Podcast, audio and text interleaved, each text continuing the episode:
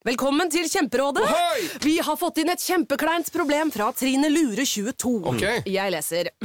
De to andre i kollektivet mitt har begynt å date, og jeg syns det er veldig kleint når vi skal se på TV sammen, og de bare skal kline. Ok, ja, Yes. Hvordan skal hun løse dette? Siden Trine Lure er under 30, får hun jo ubegrenset data fra Telenor fra 399 kroner. Da Da kan hun sette seg på sitt eget rom, streame så mye hun vil på mobilen. Ja, hun kan jo se på nye mobilabonnement på telenor.no. Ja, det er lurt. Kronemarked hos Spar. Nå har vi en mengde varer til 10 og 20 kroner. Hele denne uka får du løbiff fra Folkets før 54,90, nå kun 20 kroner. I tillegg får du et utvalgt Vasa knekkebrød, før fra 16,90, nå bare 10 kroner. Alltid tilbud på noe godt. Hilsen oss i Spar. Hei, jeg er bare innom for å tipse deg om en annen podkast som jeg tror du kan ha glede av i tillegg til Forsvinningsfredag. Den heter På innsiden av psykohoder, og du finner den i denne appen som du bruker akkurat nå.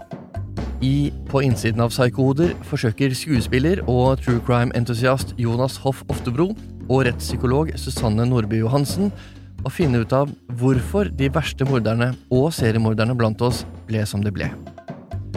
Hvordan kunne Ted Bundy framstå som en karismatisk familiefar og samtidig drepe minst 30 kvinner?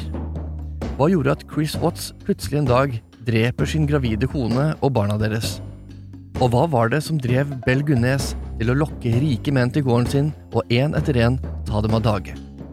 I På innsiden av psykohoder får du vite mer om hvordan hjernen vår er skrudd sammen, og hva som får enkelte av oss til å utføre slike grusomme handlinger. Og her skal du få en smakebit av første episode om Ted Bundy.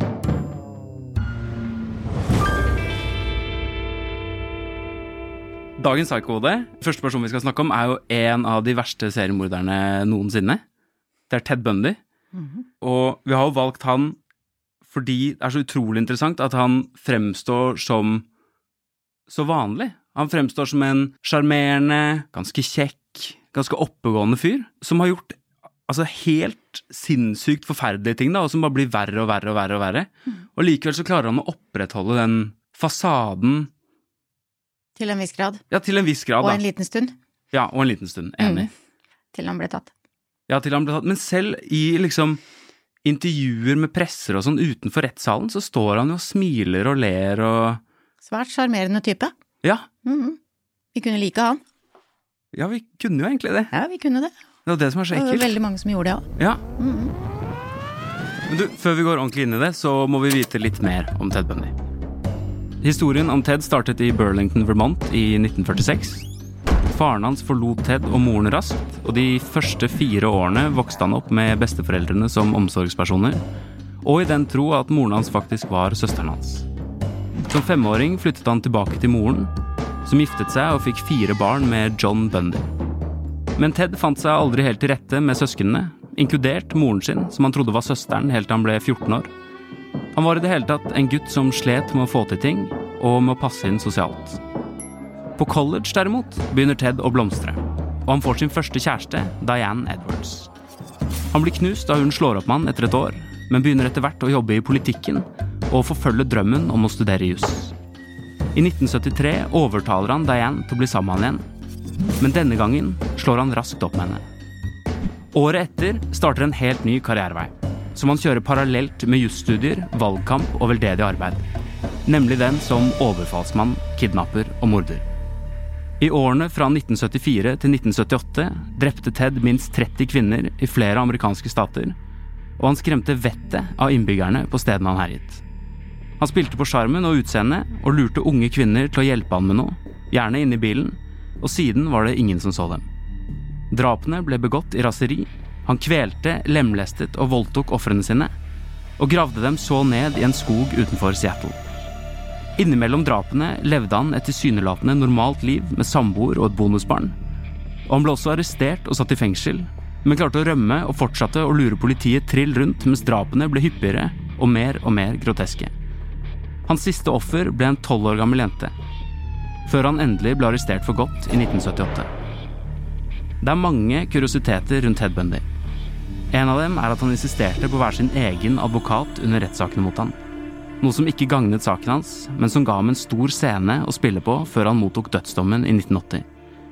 I januar 1989 tilsto han flere drap, rett før han ble henrettet i den elektriske stol.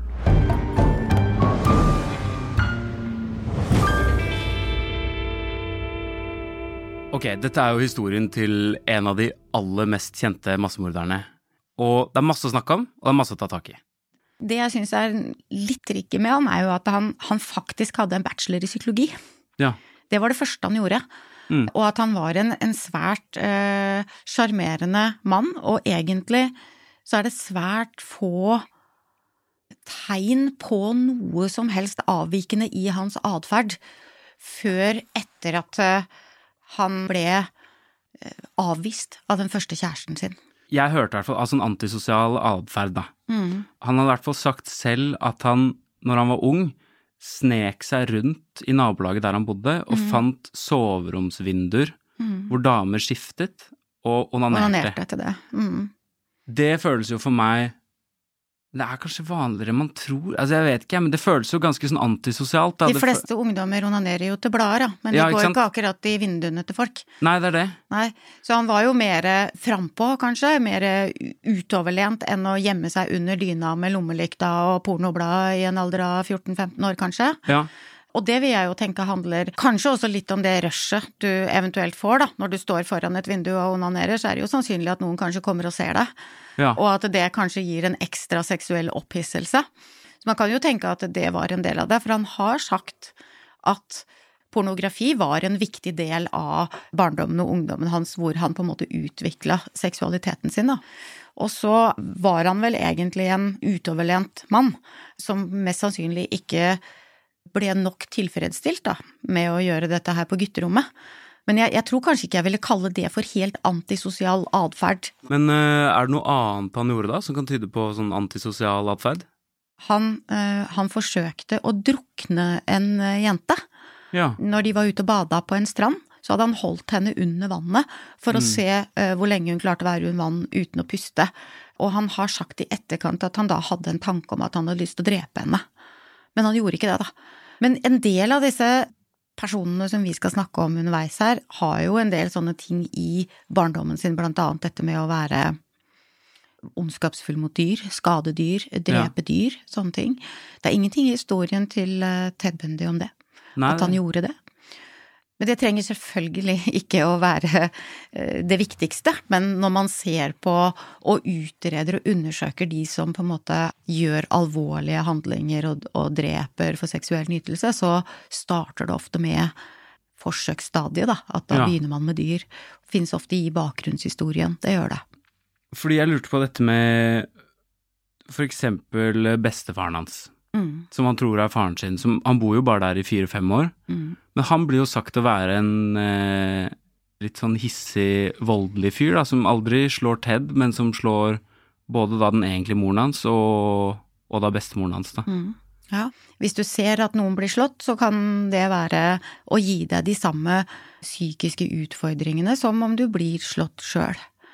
Så hvis denne bestefaren var voldelig, så kan man jo si at han ble påført kanskje en psykisk skade av det, som gjorde at han utvikla seg på den måten han gjorde.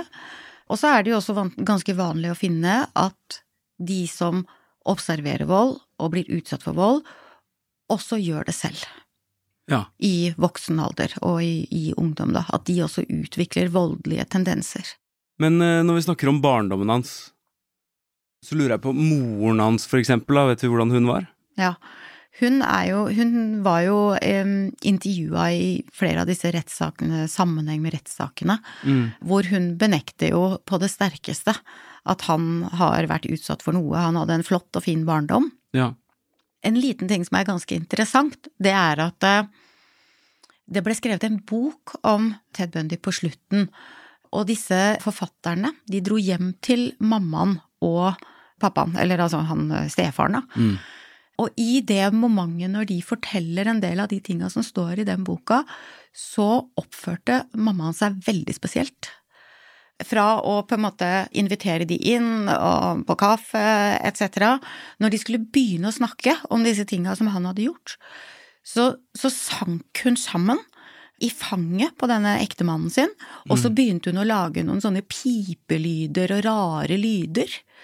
Og så skjønte disse forfatterne at dette her kanskje var litt vanskelig for henne. Så hun har jo en atferd som er veldig spesiell Ja, i den ja. situasjonen. Og så sier de at eh, kanskje vi bare skal la være å snakke om det.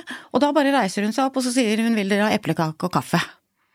Hva er det for noe? Er det total fortrenging, eller? Eller fornektelse, kanskje. Eller det, det gir jo meg noen tanker om at kanskje denne mammaen ikke har vært helt stabil i oppveksten. Når jeg så henne, eller hørte om hennes måte å reagere på, så fikk jeg en følelse av at dette er en ganske, eller har vært en ganske dysfunksjonell familie, Ja. hvor ting ikke har vært greit. Selv Ja. om både mammaen og på Ted Bundy sier at dette her Det var ingenting i min familie da jeg vokste opp. Alt var bra.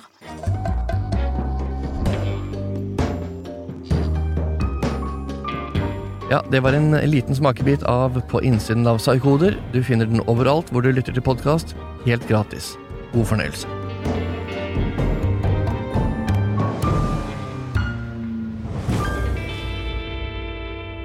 En podkast fra Podplay.